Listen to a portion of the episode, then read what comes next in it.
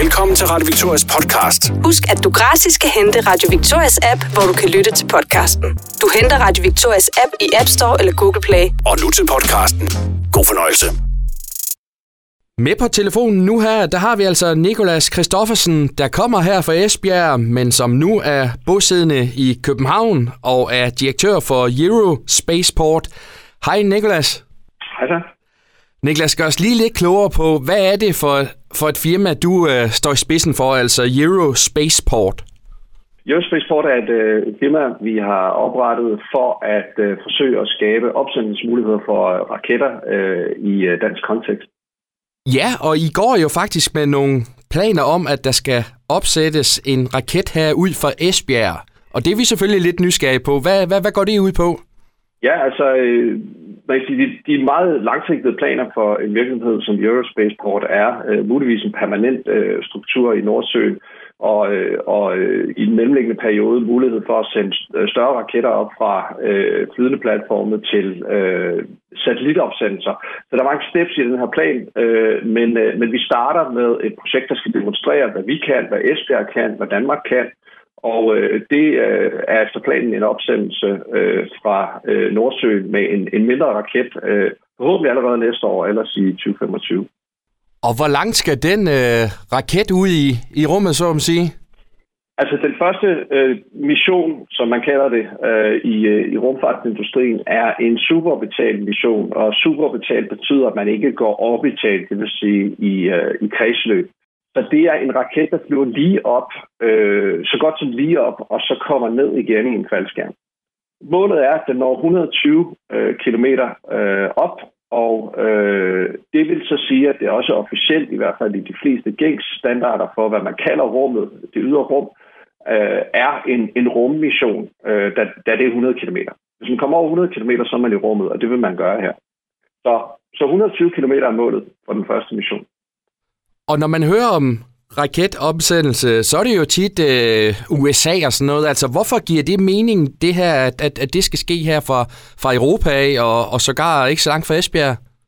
Ja, hvis vi først tager, hvorfor det er relevant for Europa, så er det sådan, at øh, opsendelser af satellitter er noget, som, øh, som foregår øh, meget ofte nu øh, fra USA, hvor man sender op flere gange om ugen, øh, og også Kina, Rusland, Japan, og flere andre lande, Indien, øh, kan opsende satellitter.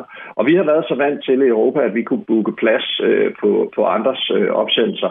Og det kan vi formentlig også i fremtiden, men det har også vist sig, at, at øh, man kan komme ud i situationer, hvor der ikke er plads, øh, hvor der er kapacitetsudfordringer, og hvor visse lande prioriterer deres egne øh, satellitopsendelser. Og taget betragtning, at satellitter er blevet en væsentlig del af moderne infrastruktur til øh, alt lige fra kommunikation og også øh, billeder, øh, vær, satellitter, øh, men sådan set også beskyttelse af sit eget øh, område, jamen så, øh, så mener vi, at det er væsentligt, at øh, Europa også har mulighed for at opsende satellitter, øh, også gerne kunne gøre det øh, hurtigt og uden at, uden at skulle have tilladelse til det fra andre steder. Så det er en af grundene til, eller det er nogle af grundene til, at Europa øh, har behov for det her, og øh, også at der bliver investeret væsentlige øh, summer i at få det her til at ske.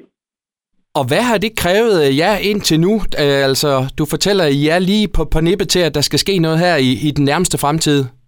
Ja, altså hvis man øh, tænker øh, næste år og året efter som nærmeste fremtid, så ja, og det vil det være i, i den her kontekst.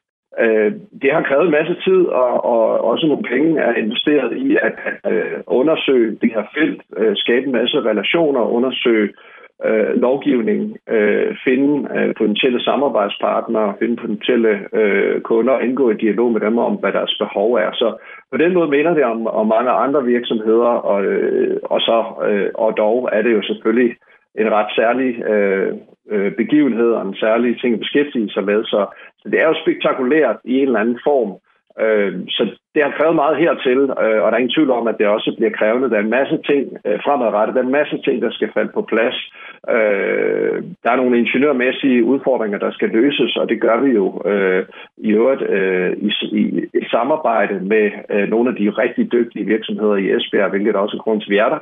Og så er der nogle juridiske udfordringer, der skal løses, noget lovgivning, der skal falde på plads. Og så skal der selvfølgelig også investeres nogle, øh, nogle penge øh, i at øh, kunne demonstrere, at vi kan sådan nogle ting øh, i, i Danmark og i, i Esbjerg. Og vi kender vel alle sammen efterhånden uh, Andreas Mogensen. Er det, er det meningen også for, for jeres side af, at der, der, der skal mennesker med om, om, ombord på det her?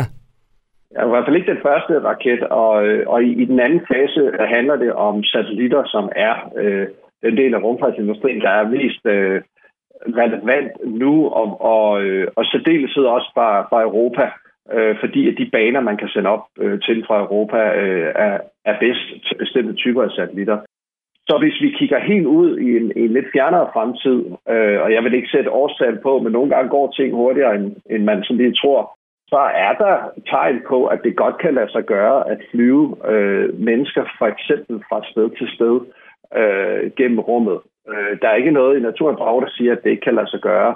Der vil være en masse øh, tekniske ting, der igen skal løses, og så skal der være en, en, en forretningsmodel, og så ikke mindst skal man jo løse den udfordring, det er, at det kræver en hel brændstof og undslip øh, jordens atmosfære. Atmosfære derfor øh, skal, skal teknologier som Power to X på banen, hvilket jo der også er noget af det, som Danmark måske kan bidrage med til international øh, rumfart. Hvis alt det lykkes, så er der i teorien ikke noget i vejen for, at man kan øh, se raketter som en anden måde at flyve på, hvor man i stedet for at flyve 10 km op, som man gør med almindelige flyvemaskiner i dag, flyver 100 km op, og så flyver på tværs af jorden derfra på den måde.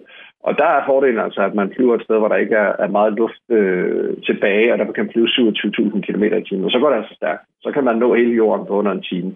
Men det er jo sådan nogle fremtidsvisioner, som er øh, science fiction indtil videre.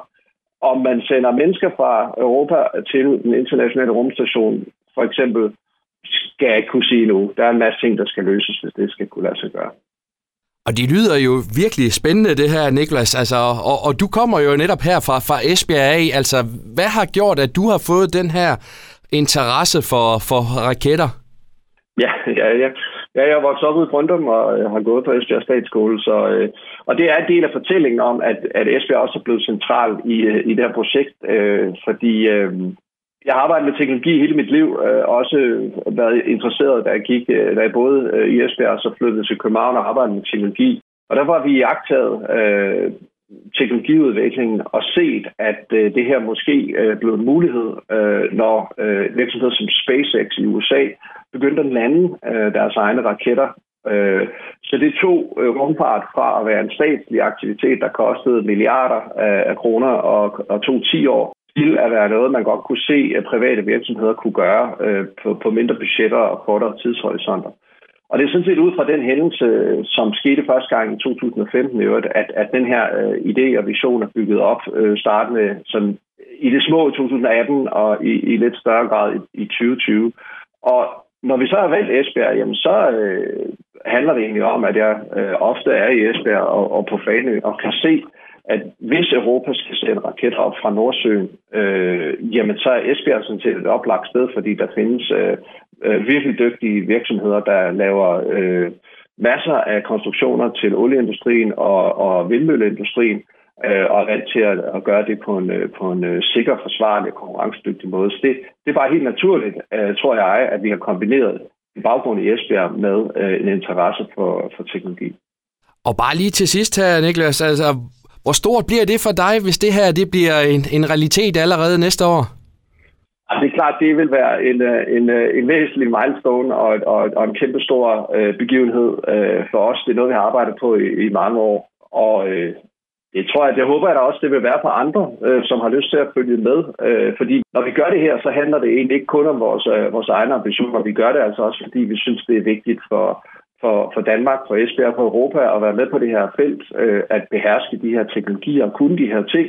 Øh, og så tror vi også, at det kan være inspirerende og håber, at Esbjerg er med på, at det kan være noget, som, øh, som kan få indflydelse på, på Esbjerg som by og gøre byen øh, blive endnu mere spændende, end den allerede er, øh, og tiltrække dygtige, øh, dygtig arbejdskraft og, og studerende, der kunne være interesseret i arbejdet med, med de her ting. Så det vil være kæmpestort for os, hvis vi når til det, øh, til det punkt øh, næste år eller året efter.